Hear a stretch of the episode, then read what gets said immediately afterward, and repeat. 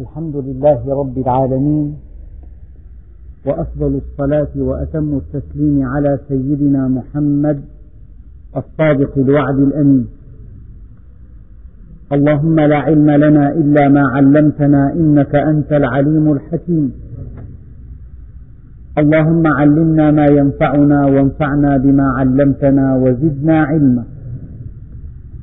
وأرنا الحق حقا وارزقنا اتباعه. وأرنا الباطل باطلا وارزقنا اجتنابه. واجعلنا ممن يستمعون القول فيتبعون أحسنه وأدخلنا برحمتك في عبادك الصالحين. أيها الإخوة المؤمنون وصلنا في الدرس الماضي في سورة الرعد إلى قوله تعالى قل من رب السماوات والأرض؟ قل الله. قل أفاتخذتم من دونه أولياء لا يملكون لأنفسهم نفعا ولا ضرا. قل هل يستوي الأعمى والبصير؟ أم هل تستوي الظلمات والنور؟ أم جعلوا لله شركاء خلقوا كخلقه فتشابه الخلق عليهم؟ قل الله خالق كل شيء وهو الواحد القهار. أنزل. الواحد القهار هو الذي أنزل يعني. أنزل من السماء ماء. فسالت أودية بقدرها الأودية هي السهول هي السيول. والأودية مجرى السيول. ربنا سبحانه وتعالى حكيم عليم. الأمطار بقدر. والأنهار بقدر. والينابيع بقدر. وإنا كل شيء خلقناه بقدر. ما من شيء في الأرض إلا لو زاد عن حده انقلب إلى ضده. بعد الأرض عن الشمس. بعد الأرض عن القمر. بعد الشمس عن بقية المجرات. نسب الهواء. طبيعة الماء. عتبة الحواس. نسب الأغذية في الفواكه والثمار. ما من شيء إلا والله سبحانه وتعالى يخلقه بقدر. إنا كل شيء خلقناه بقدر. فهذه الأمطار تنزل من السماء بقدر الأودية التي تسيل فيها. أنزل من السماء ماء. أنزل. من فاعل أنزل؟ الواحد القهار. أنت كمؤمن. حينما ترى المطر تنهمر كيف تفهم المطر؟ أن هناك منخفض جوي متمركز فوق قبرص توجه نحو الشرق الأدنى. أم ترى أن الله سبحانه وتعالى أنزل من السماء ماء؟ لا يتعارض التفسير العلمي والتفسير الديني للظواهر الطبيعية. لا يتعارضان ولكنهما يتكاملان. إذا فهمت أن المطر بفعل المنخفضات الجوية فهذا شرك بالله عز وجل. أما إذا رأيت أن الله سبحانه وتعالى هو الذي أنزل المطر عن طريق هذه الأسباب وهو مسبب الأسباب فهذا هو التوحيد. أن ترى أن الله سبحانه وتعالى أنزل الواحد القهار أنزل من السماء ماء ماء طهورا. الماء لا لون له ولا طعم له ولا رائحة له. سريع التبخر. سريع الذوبان بمعنى أن أي شيء يوضع فيه يذوب عدا بعض العناصر. يعني قابليته لذوبان المواد فيه. هذه كلها خصائص. لو ألغيت واحدة منها لو أن للماء طعما لأصبحت جميع المأكولات بهذا الطعم. لكرهت الماء وكرهت كل شيء. لو أن للماء رائحة لما احتملت الماء. لو أن له لونا لأصبح كل شيء بهذا اللون. لأن الماء داخل في كل شيء. وجعلنا من الماء كل شيء حي. ما دام الماء أحمر اللون وهو داخل في تركيب الفواكه كلها إذا جميع الفواكه ترونها حمراء اللون. لو أن للماء رائحة وهو داخل في جميع المواد الحيوية ورأيت هذه الرائحة مشتركة لكرهت الماء. لو أن له طعما لا لون له ولا طعم له ولا رائحة له. لو أن الماء يتبخر بدرجة مئة يتبخر. إذا نظفت البيت بالماء فإن هذا البيت لا يجف أبدا إلا إذا سلطت عليه نارا. لكن الماء يتبخر بدرجة 14 فقط. سريع التبخر. سريع الانسياب يدخل الماء في أدق المكان. لو لم يكن كذلك لو أنه لزج كالقطر مثلا كيف ننظف به؟ كيف يكون هذا الماء ماء طهورا؟ مستحيل. يجب أن تنظف الأشياء من الماء عندئذ. أنزل من السماء ماء بهذه الخواص لا لون له لا طعم له لا رائحة له سريع التبخر قابليته لذوبان العناصر فيه. انسيابه في أدق المسامات. هذا كله من خواص الماء. أنزل من السماء ماء فسالت أودية بقدرها فاحتمل السيل زبدا رابيا. يعني على على وجه السيل زبد حشائش أشياء كثيرة تعلو وتكبر حتى تحجب عن الناظر منظر الماء. قال عليه الصلاة والسلام يوشك أن تداعى عليكم الأمم كما تداعى الأكلة إلى قصعتها. قالوا أمن قلة نحن يومئذ يا رسول الله؟ قال لا بل أنتم كثير ولكنكم غثاء كغثاء السيل. يصيبكم الوهن قيل وما الوهن؟ قال حب الدنيا وكراهية الموت. فهذا الشيء الذي يعلو سطح السيل هو هو الزبد أو هو الغثاء. في هذه الآية سماه الله سبحانه وتعالى زبدا رابيا يعني عاليا ناميا كثيرا كبيرا. قد يحجب عنك منظر الماء. وسماه النبي عليه الصلاة والسلام غثاء كغثاء السيل. لا قيمة له لا وزن له لا ثمن له لا ينفع الناس لا يستخدمه الناس لا يعبأ به الناس لا يعنون به. فاحتمل السيل زبدا رابيا ومما يوقدون عليه في النار ابتغاء حلية. يعني فلذات الذهب وفلذات الفضة. إذا وضعت في الأفران العالية من أجل أن تتميز الشوائب عن الذهب الخالص. وكذلك ابتغاء حلية أي الذهب والفضة أو متاع أي الحديد.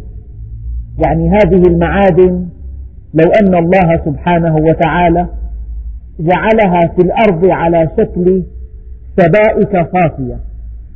لو أن جبلا من الحديد. تصور أنه يستحيل استخدام هذا الحديد. لكن الله سبحانه وتعالى بحكمة بالغة جعل الحديد على شكل فلذات مع التراب. تحفر التراب وتنقل التراب تضع التراب في الأفران العالية ينصهر الحديد يرسو في قعر الفرن ويبقى الزبد في الأعلى. بهذه الطريقة يمكن استخدام هذه المعادن النافعة التي أوجدها الله على شكل فلزات مختلطة بالتراب. ومما يوقدون عليه في النار ابتغاء حلية أو متاع زبد مثله. لو نظرت إلى الفرن العالي ورأيت الشوائب والتراب والأجسام الغريبة التي لا علاقة لها بالحديد تعلو وقد تنتفخ وقد تربو حتى لتحجب عنك منظر الحديد نفسه أو منظر الذهب نفسه أو منظر الفضة نفسه. ومما يوقدون عليه في النار ابتغاء حلية أو متاع زبد مثله. زبد السيل وزبد المعادن الثمينة. كذلك يضرب الله الحق والباطل. الحق كالماء الحق كالذهب الحق كالفضة. الحق كالحديد والباطل كالزبد الذي يعلو الماء وكالزبد الذي يعلو الحديد والفضة والذهب. كذلك يضرب الله الحق والباطل فأما الزبد فيذهب جفاء. يلقى يذهب الناس فيه لا ينتبهون له لا يباع ولا يشترى لا قيمة له. لا ثمن له. وأما ما ينفع الناس فيمكث في الأرض. يبقى الماء الذي ينبت النبات. يبقى الحديد الذي فيه منافع للناس. يبقى الذهب كوسيلة لتقييم المواد. يعني يبقى الذهب والفضة نقدان تقيم بهما المواد. ولحكمة بالغة الله سبحانه وتعالى جعل الحديد كثيرا وجعل الذهب والفضة قليلا. فلو عكست الآية لاختل الأمر. هذا الذي يستخدم كنقد يجب أن يكون قليلا. ولو أنه كان كثيرا لما كان صالحا أن يستخدم نقدا أو حلية. له صفات عالية. أما الحديد فلأن استعماله كثير يدخل في كل شيء إذا كان كثيرا. والحديد يصدأ وصدأه نعمة كبرى لأن الحديد لولا أنه يصدأ لما عشنا نحن. الحديد يدخل في تركيبنا يدخل في تركيب الكريات الحمراء في دمنا. كيف يدخل أملاح الحديد؟ لولا أنه يتفاعل مع الأكسجين لما كان للحديد أي فائدة لجسم الإنسان. الحديد داخل في مجموعة كبيرة من المواد الغذائية. فالعدس غني بالحديد. التفاح والسفرجل غنيان بالحديد. والدليل أنك لو قطعت تفاحة وعرضتها للهواء تفاعل أكسجين الهواء مع الحديد في التفاحة فاسودت اسودادها واسوداد السفرجل واسوداد أية فاكهة. فيها حديد دليل وجود الحديد وكذلك بعض الخضروات. إذا تأكسده نعمة كبرى من نعم الله سبحانه وتعالى. فأما الزبد فيذهب جفاء. يعني الباطل له جولة ثم يضمحل. الباطل مؤقت الباطل طارئ الباطل عارض الباطل يأتي ويذهب. لكن الحق مستقر ومستمر. الحق يأخذ صفة الديمومة. الحق يأخذ صفة الاستمرار. الحق لا يتبدل ولا يتغير ولا يقبل التعديل ولا الحذف ولا الإضافة ولا التبديل. من علامات الحق أنه يحق أن يستقر. كذلك يضرب الله الحق والباطل فأما الزبد فيذهب جفاء وأما ما ينفع الناس فيمكث في الأرض كذلك يضرب الله الأمثال. هنيئا لمن كان مع الحق. والويل لمن كان مع الباطل. لأنك إذا ربطت نفسك بالحق فالحق أبدي سرمدي وإذا ربطت نفسك بالباطل فالباطل مؤقت زائل. إن الباطل كان زهوقا. من صفاته الأساسية الملازمة له التي إذا فقدت ألغي الباطل أنه سريع الزهوق سريع الزوال وشيك التحول سرعان ما ينكشف خلله سرعان ما ينكشف خطله. آية ثانية للذين استجابوا لربهم الحسنى. يا الله الذي استجاب لله سارع إلى تطبيق أمره سارع إلى تنفيذ شرعه الذي قرأ القرآن فعمل به الذي سمع الحق فوعاه الذي التزم الحق الذي سمع مناديا ينادي للإيمان. أن آمنوا بربكم فآمن. هؤلاء الذين استجابوا. دعاهم الله فاستجابوا.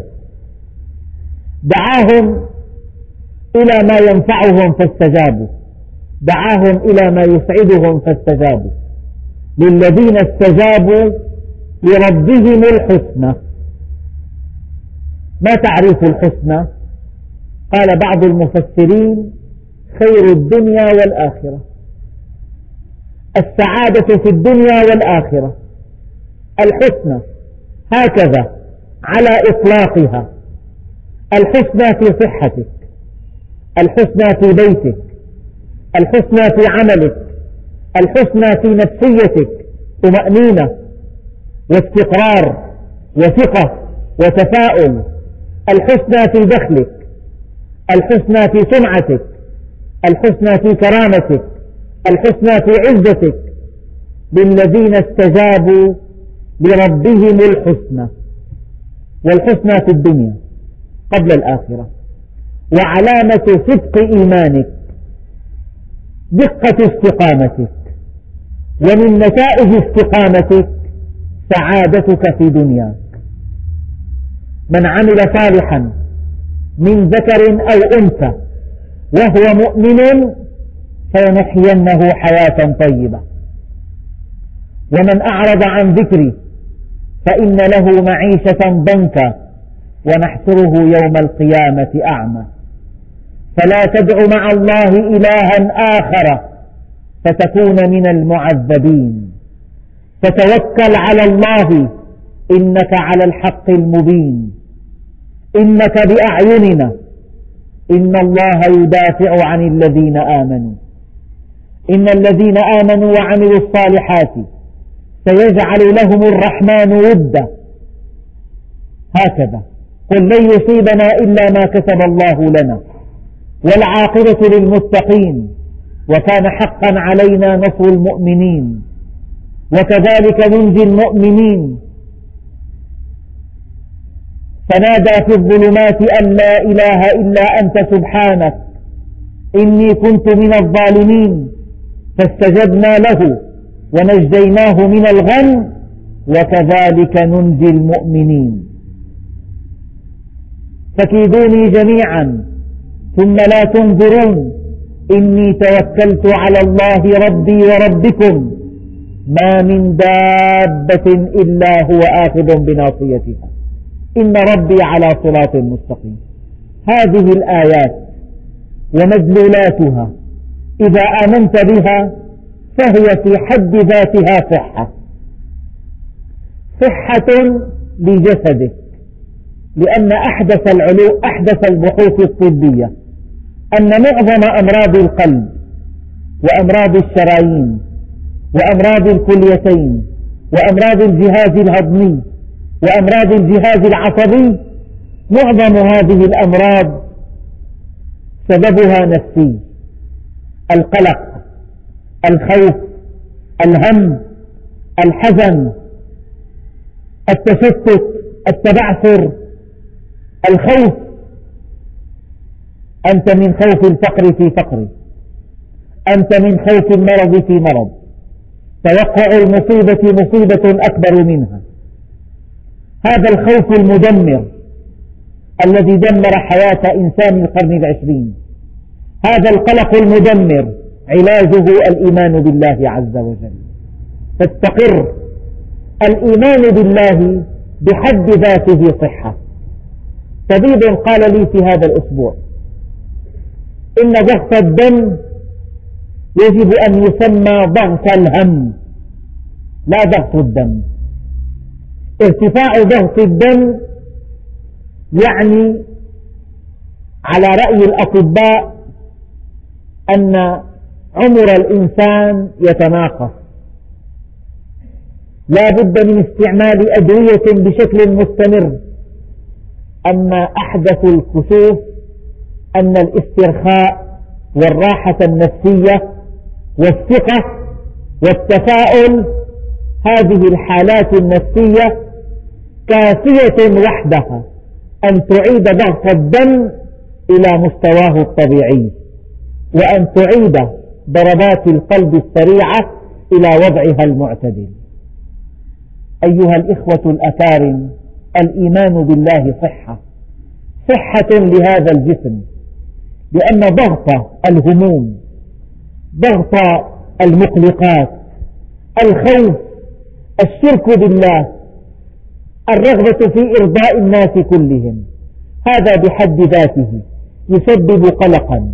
وحزنا وهما يضغط على الأجهزة فيصيبها بالعطب والعطل لذلك الزهد راحة والتوكل راحة والإستسلام لله راحة والثقة برضاء الله راحة والراحة صحة.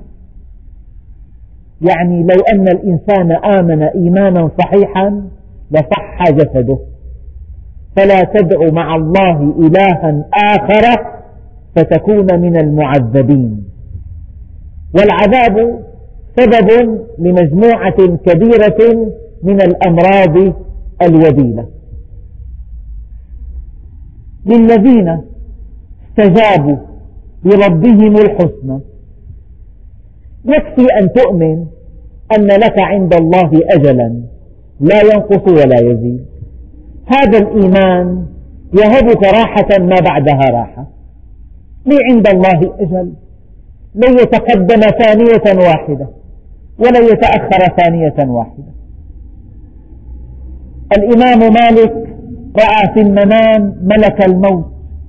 قال يا ملك الموت كم بقي لي في حياتي؟ فقال ملك الموت وأشار له بهكذا. خمسة يعني. فلما أفاق زادت حيرته. أهي خمس سنوات؟ أم خمسة أشهر؟ أم خمسة أسابيع؟ أم خمسة أيام؟ أم خمس ساعات؟ أم خمس دقائق؟ فلما سأل الإمام ابن سيرين عن تفسير هذه الرؤيا قال له يا إمام إن سؤالك هذا من خمسة أشياء لا يعلمها إلا الله. إن لك عند الله أجلا. لا يزيد ولا ينقص. هذا هو هذا يريح الإنسان. كلمة الحق لا تقطع رزقا ولا تقرب أجلا. الآمر هو الضامن. ما من دابة إلا هو آخذ بناصيته. للذين استجابوا لربهم الحسنى. يجب أن تحس بالحسنى. يجب أن تشعر بالحسنى. يجب أن تذوق الحسنى. ذاق طعم الإيمان. الإيمان له طعم. والذين لم يستجيبوا له أعرضوا عن أعرضوا عن الدين. أعرضوا عن عن كتاب الله. رفضوا هذا الشرع جملة. أو رفضوه تفصيلا. أو رفضوه جملة وتفصيلا. هؤلاء الذين لم يستجيبوا له. قالوا هذا الدين لا يصلح لهذه الأيام. قالوا هذا الدين يطرح طروحات غيبية. قالوا هذا الدين لا يتناسب مع عصر العلم. هؤلاء الذين لم يستجيبوا له. لو أن لهم ما في الأرض جميعا ومثله معه لافتدوا به. لو أن واحد يملك مئة مليون. وقال ادفعوها كلها وأنقذوني من هذه الورطة. كم هي الورطة كبيرة؟ كم هي كبيرة؟ لو قال لك واحد خذ ثروتي كلها وأنقذني من هذه الورطة يجب أن تعلم أنت علم اليقين أنه في ورطة كبيرة.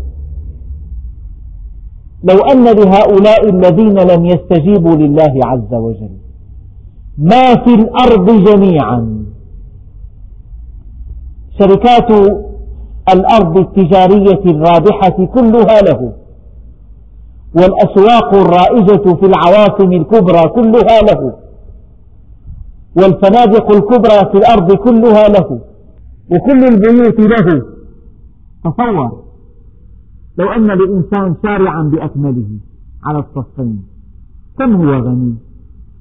لو أنه يملك مئة شركة في العالم من الشركات الرائجة التي تبيع بضاعتها في كل أنحاء العالم. كم هي ثروته؟ والذين لم يستجيبوا له لو أن لهم ما في الأرض جميعا. ثروات البحار كلها ثروات النفط كلها ثروات المعادن كلها شركات الطيران كلها الفنادق كلها الأراضي كلها القصور كلها البيوت كلها الذهب والفضة كلها. المعادن الثمينة كلها الماس كله. قطعة ماس واحدة ثمنها مئة ألف. لو أن ماس العالم كله له ومثله معه ضرب اثنين. لافتدوا به لو أن لهم ما في الأرض جميعا. ومثله معه وافتدوا به لن يقبل منهم ذلك. فكم هم في ورطة. إن أهل النار يبكون. وإنهم ليبكون الدم. ولو أن السفن جرت في دموعهم لجرت فيها. يعني السفن تجري في دموعهم. هذا العذاب ألا يتقى؟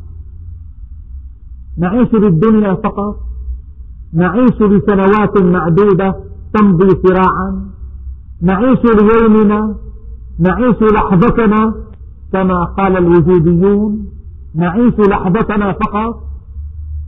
هذا هو الحمق بعينه هذا هو الغباء بعينه. أن تعيش من دون أن تنظر إلى الأمام. ما العقل؟ أن تصل إلى الشيء قبل أن تصل إليه. هذه السمكات الثلاث التي مر بها صيادان. فتواعدا أن يرجعا ومعهما شباكهما ليصيدا ما فيه من السمك. فسمع السمكات قولهما. أما أكيسهن فإنها ارتابت وتخوفت وقالت العاقل يحتاط للأمور قبل وقوعها. العاقل يحتاط للأمور قبل وقوعها.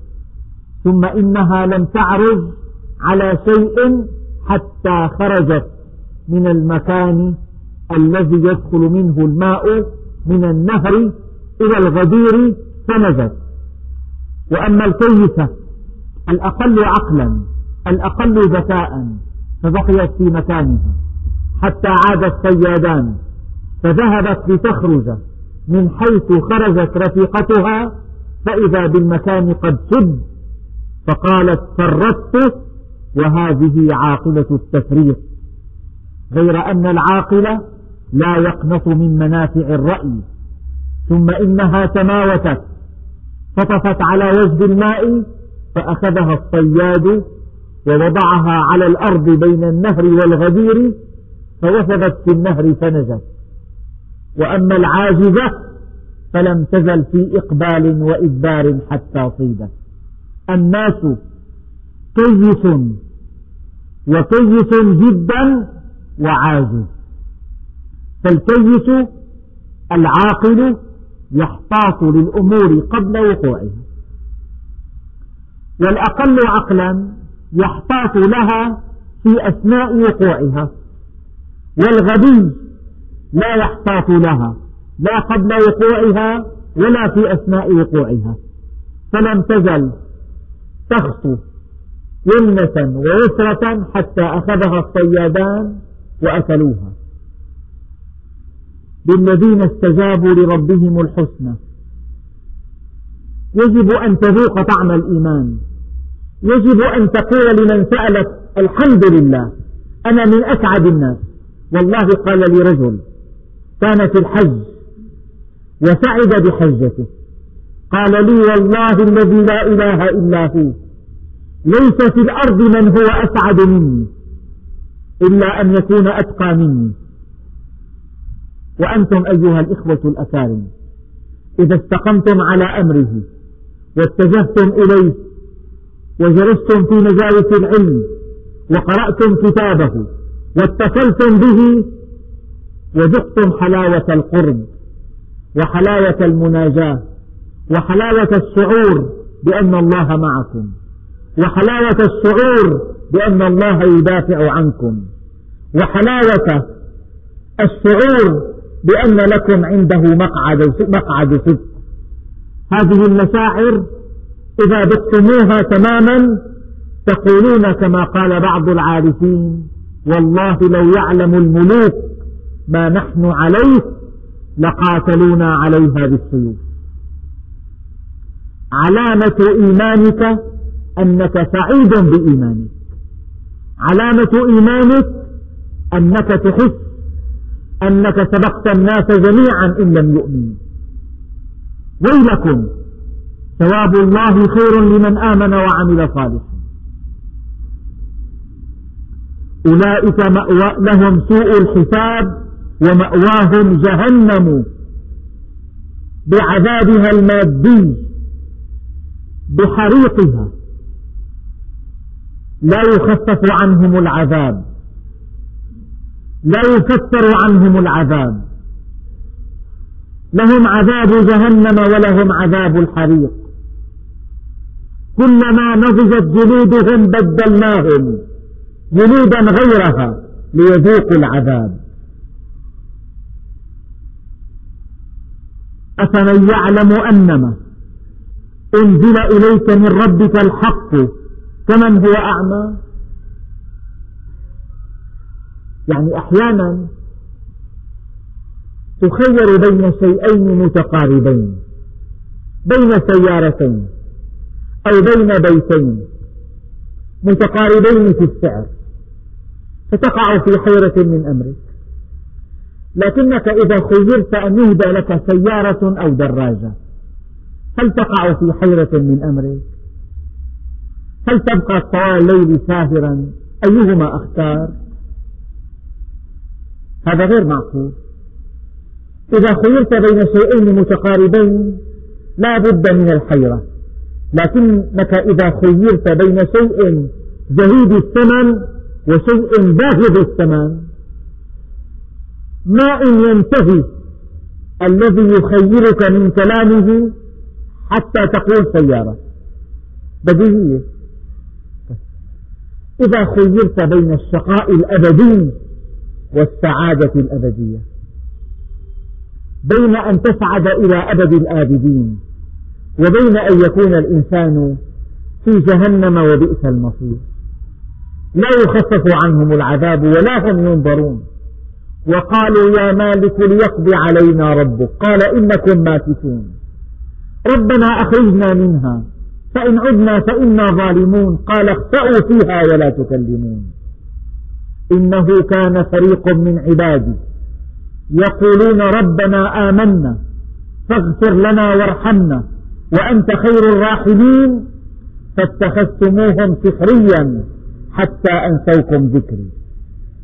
تلفح وجوههم النار وهم فيها كالحون. ألم تكن آياتي تتلى عليكم فكنتم بها تكذبون؟ قالوا ربنا غلبت علينا شقوتنا وكنا قوما ظالمين. ضالين. ربنا أرجعنا. أخرجنا منها فإن عدنا فإنا ظالمون. قال اخسأوا فيها ولا تكلمون أفمن يعلم أن ما أنزل إليك من ربك الحق؟ كمن هو أعمى؟ يعني آلة ثمينة. معها نشرة استعمال. هذا الذي يقرأ النشرة ويستعمل هذه الآلة وفق تعليمات الشركة. فاستعملها واستفاد منها وربح منها أرباحا طائلة وبقيت هي هي يصونها ويعتني بها. كمن, كمن يستعمل هذه الآلة من دون تعليمات فأعطبها وخسر ثمنها وفات عليه ربحها. هذا كهذا. أخ كريم قال لي صفقة عقدت مع شركة أجنبية. لتوريد بعض الآلات الدقيقة العالية المستوى. الآلات وردت ولم ترد معها نشرات الاستعمال. إلى أن وردت النشرات عدت الشركة متخلفة عن تسليم الأجهزة في وقتها المناسب. لأن الأجهزة لا قيمة لها من دون هذه التعليمات. والإنسان لا قيمة له من دون هذه التعليمات. دفعت الشركة غرامات طائلة لأن التسليم باطل. آلات وصلت في الوقت المحدد ولكن التعليمات لم تصل. واستخدام هذه الآلات من دون التعليمات مستحيل. إن استخدمناها من دون التعليمات عطبناها فعدت الشركة متخلفة عن تسليم الآلات. هذا الإنسان من أعقد الآلات يسعد أو يشقى ينفع أو يؤذي. يكون مصدر خير أو مصدر شر. إن طبق التعليمات يصبح مصدر خير. وإن خالفها يصبح مصدر شر. هذه التعليمات ألا ينبغي أن تقرأ هذه هي بين أيديكم. كتاب كريم لا يأتيه الباطل. من بين يديه ولا من خلفه. لا ريب فيه من رب العالمين. أفمن يعلم أن ما أنزل إليك من ربك الحق؟ فمن هو أعمى؟ معناه أن الذي يعلم مبصر وأن الذي لا يعلم أعمى. ولا يستوي الأعمى والبصير ولا الظلمات ولا النور. ولا الظل ولا الحرور ولا الأحياء ولا الأموات. آية دقيقة جدا. لا يستوي الأعمى والبصير. المؤمن بصير والكافر أعمى. ولا الظلمات ولا النور. الحق نور والباطل ظلمات بعضها فوق بعض. ولا الظل ولا الحرور. الحق مسعد كأنه ظل ظليل. والباطل مسقي كأنه نار ملتهبة. ولا الأحياء ولا الأموات. في النهاية المؤمن حي والكافر ميت. أموات غير أحياء. وما أنت بمسمع من في القبور. مثل الذين حملوا التوراة ثم لم يحملوها كمثل الحمار يحمل أسفارا. يا كميل العلم خير من المال. لأن العلم يحرسك وأنت تحرس المال. والمال تنقصه النفقة والعلم يزكو على الإنفاق. يا كميل مات خزان المال وهم أحياء؟ وهم في أوج حياتهم ميتون. وهم في شبابهم وقوتهم وغناهم وفي شأنهم العالي في المجتمع أموات لأنهم ما عرفوا الله سبحانه وتعالى. ابن آدم اطلبني تجدني فإذا وجدتني وجدت كل شيء وإذا فتك فاتك كل شيء وأنا أحب إليك من كل شيء. مات خزان المال وهم أحياء والعلماء باقون ما بقي الدهر. أعيانهم مفقودة وأمثالهم في القلوب موجودة. هذا هو العلم. يحيي القلب ما من رتبة في الأرض أعلى من رتبة العلم. رتبة العلم أعلى الرتب. إذا أردت الدنيا فعليك بالعلم وإذا أردت الآخرة فعليك بالعلم. وإذا أردتهما معا فعليك بالعلم. إن الله عالم يحب كل عالم. ما اتخذ الله وليا جاهلا. لو اتخذه لعلمه. يظل المرء عالما ما طلب العلم. فإذا ظن أنه قد علم فقد جهل. العلم لا يعطيك بعضه إلا إذا أعطيته كلك. فإذا أعطيته بعضك لم يعطك شيئا. علماء حكماء كادوا من فقههم أن يكونوا أنبياء. ولما بلغ أشده واستوى آتيناه حكما وعلما. هذا عطاء الأنبياء حكما وعلما. ماذا أوتي فلان؟ بيتا ومالا؟ زائلان ما لك ما لك المال سمي مالا لأنه ما لك أي ليس لك. أفمن يعلم أن ما أنزل إليك من ربك الحق كمن هو أعمى؟ إنما يتذكر أولو الألباب. أصحاب العقول الراجحة. هؤلاء الذين يوفون بعهد الله ولا ينقضون الميثاق. عهد الله في هذه الآية أي يلتزمون أوامره وينتهون عن نواهيه. عهد الله هذا الكتاب الذي بين, بين أيدينا.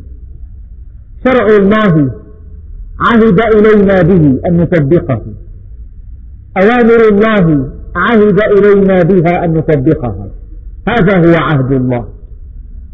فالذي يطيع الله عز وجل يلتزم عهد الله أي ينفذ هذا العهد. وهناك معنى آخر أن عهد الله هو العهد الذي وثقته مع أي جهة وكان وفق الشرع. حسن العهد من الإيمان. لا إيمان لمن لا أمانة له ولا دين لمن لا عهد له. هؤلاء أولو الألباب الذين يوفون بعهد الله. من دون إكراه يؤدون ما عليهم من دون حكم قضائي يوفي بعهد الله. الوفاء بعهد الله من صفات المؤمن والذي يخل بعهد الله يدخل في شعبة من شعب النفاق. آية المنافق ثلاث إذا حدث كذب وإذا وعد أخلف وإذا اؤتمن خان من كان فيه خصة من هذه الخصال كان فيه شعبة من شعب النفاق. كان السلف الصالح يقول له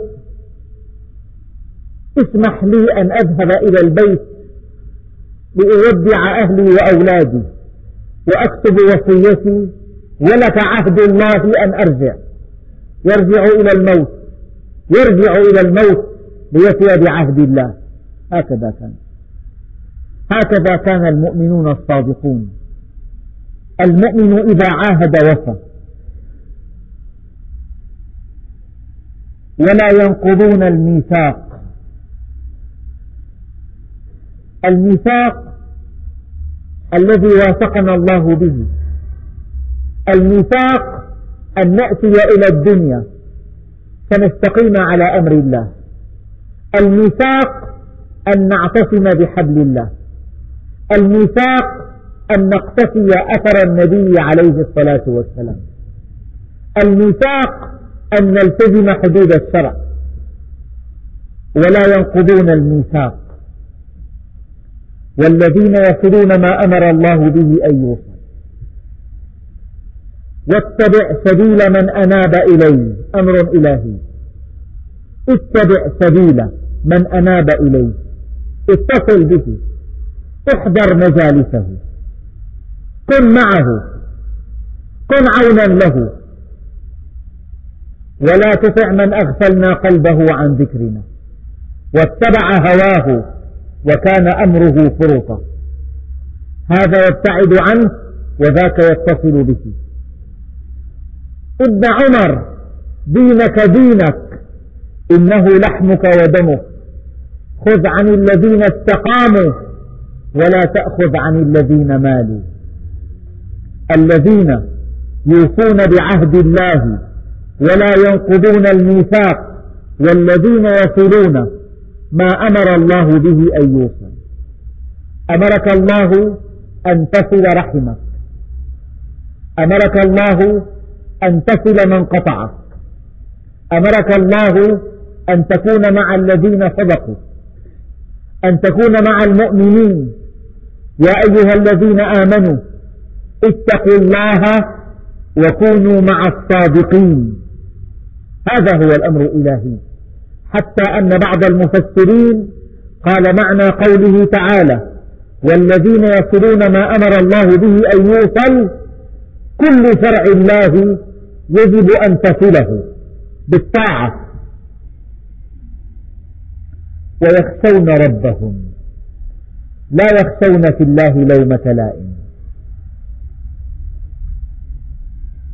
إن أتاح له إن أتاحت له وظيفته أن يبتس بأخيه يبتس به ولا يرقب فيه إلا ولا ذمة إلا إذا خاف الذي أعلى منه عندئذ يبتعد عن إيذائه.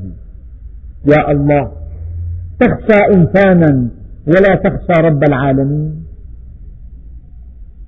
هذا الذي دخل إلى بيت قمعت بعض الفتن في العصور الثالثة فأباح أمير الجند بجنوده المدينة. دخل أحد الجنود إلى بيت من بيوتها فرأى امرأة وزوجها قتل الزوج وقال للمرأة أعطيني كل ما عندك. أعطته سبعة دنانير. فأمسك أحد أطفالها وذبحه. وقال أعطيني كل ما عندك. فلما رأته جادا في قتل الثاني أعطته درعا مذهبة فلما أمسكها أعجبته ورآها ثمينة جدا. تأملها فإذا عليها بيتان من الشعر. ما إن قرأهما حتى وقع مغشيا عليه. إذا جار الأمير وحاجباه وقاضي الأرض أسرف في القضاء فويل ثم ويل ثم ويل لقاضي الأرض من قاضي السماء. أتخشى إنسانا ولا تخشى الله رب العالمين الذي قلبك بيده ورئتاك بيده. وكليتاك بيده والشرايين كلها بيده والدم كله بيده. لو جمد نقطة دم كرأس الدبوس في بعض شرايين المخ لأصيب الإنسان بالشلل بمكان آخر يصاب بالعمى بمكان ثالث يصاب بالصمم بمكان رابع ينام في مستشفى المجانين. بمكان خامس يفقد ذاكرته. هذا الذي بيده كل شيء بيده صحتك وأجهزتك وحياتك وموتك بيده الجراثيم بيده من حولك بيده من هو أعلى منك من هو أدنى منك بيده رزقك تعصيه ولا تستحي منه. قال إنني أريد أن أعصي الله.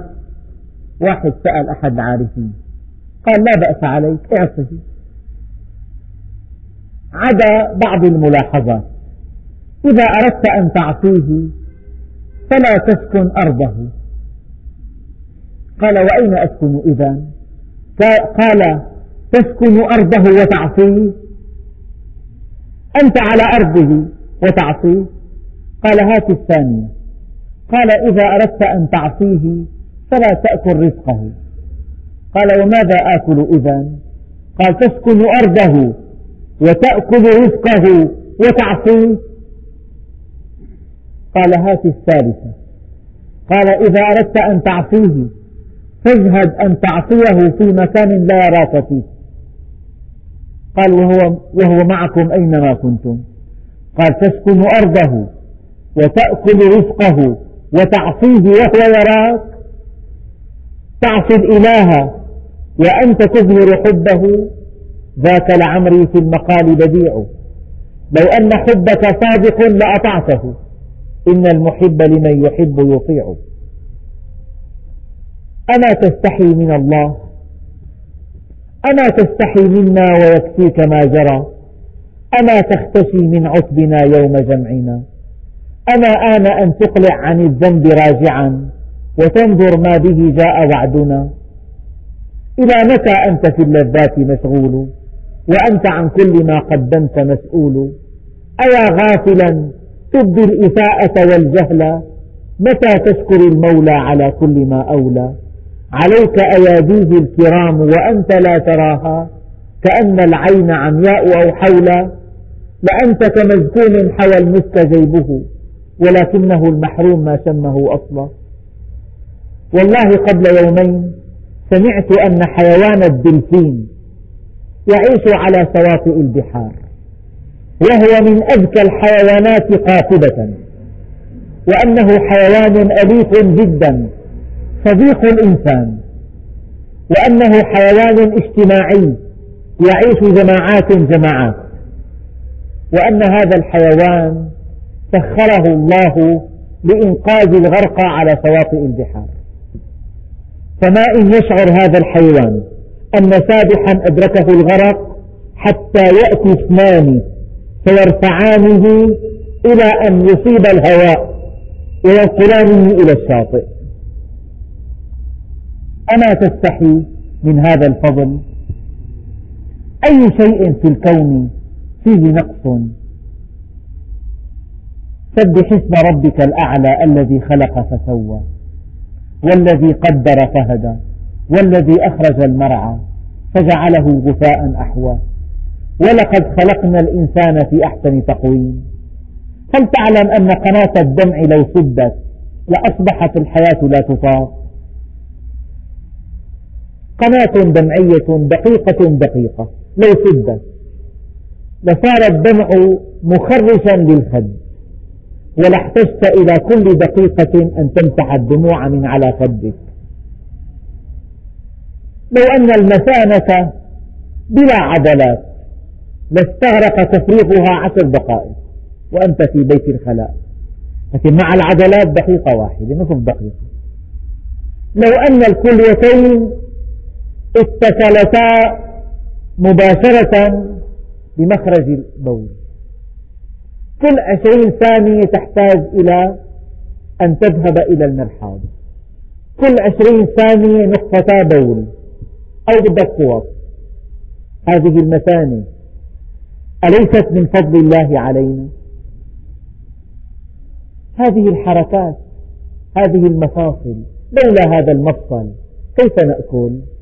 لا بد من أن نضع الصحن على الأرض وننبطح ونأكله بفمنا مباشرة. لولا هذا, لولا هذا المفصل. هذا الشعر ربع مليون شعرة.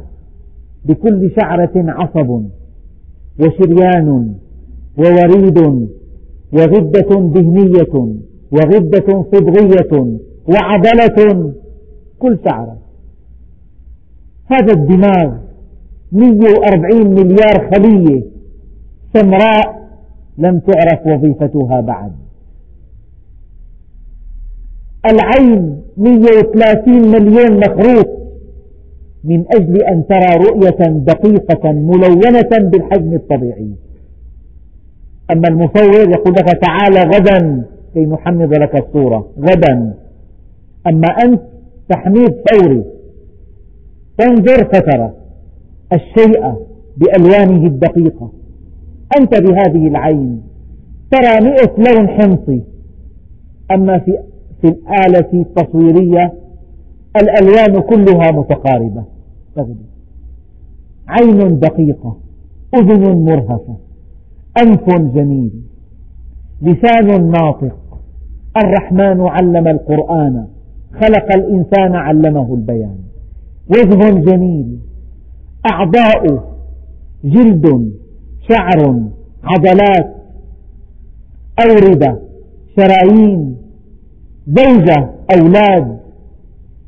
كل هذا لا يكفي أن تلتفت إليه. والذين يصلون ما أمر الله به أن يوصل مطلق أوامر الله. ويخشون ربهم ويخافون سوء الحساب. يعني المؤمن لا تبرح ذاكرته لا تبرح ذاكرته هذه الساعة فإذا نقر في الناقور فذلك يومئذ يوم عسير. على الكافرين غير يسير. يعني إذا مات الإنسان وتوجه فريق إلى طبع النعوة وفريق آخر إلى تسيير معاملة الدفن وفريق ثالث إلى تأمين الطعام ومستلزمات التعزية مساء وتوجه فريق رابع إلى المقبرة واشترى قبرا وتوجه الحفار ليحفر هذا القبر. فإذا نقر في الناقور فذلك يومئذ يوم عسير. الميت مسجى في غرفته ومكتب دفن الموتى أرسل السيارة لتجهز الميت والقبر يحفر هذه هي الساعة العصيبة التي ينسى فيها الإنسان كل ملذات الدنيا. كل أيام قضاها في الدنيا مسرورا. إنه كان في أهله مسرورا. كان. أما الآن ليس مسرورا. الآن يتمنى أن تسوى به الأرض. يتمنى أن يكون ترابا تدوسه الأرجل. لا. ويخافون سوء الحساب. يحشر الأغنياء أربع فرق يوم القيامة. فريق جمع المال من حرام وأنفقه في حرام. فيقال خذوه إلى النار. والحمد لله رب العالمين.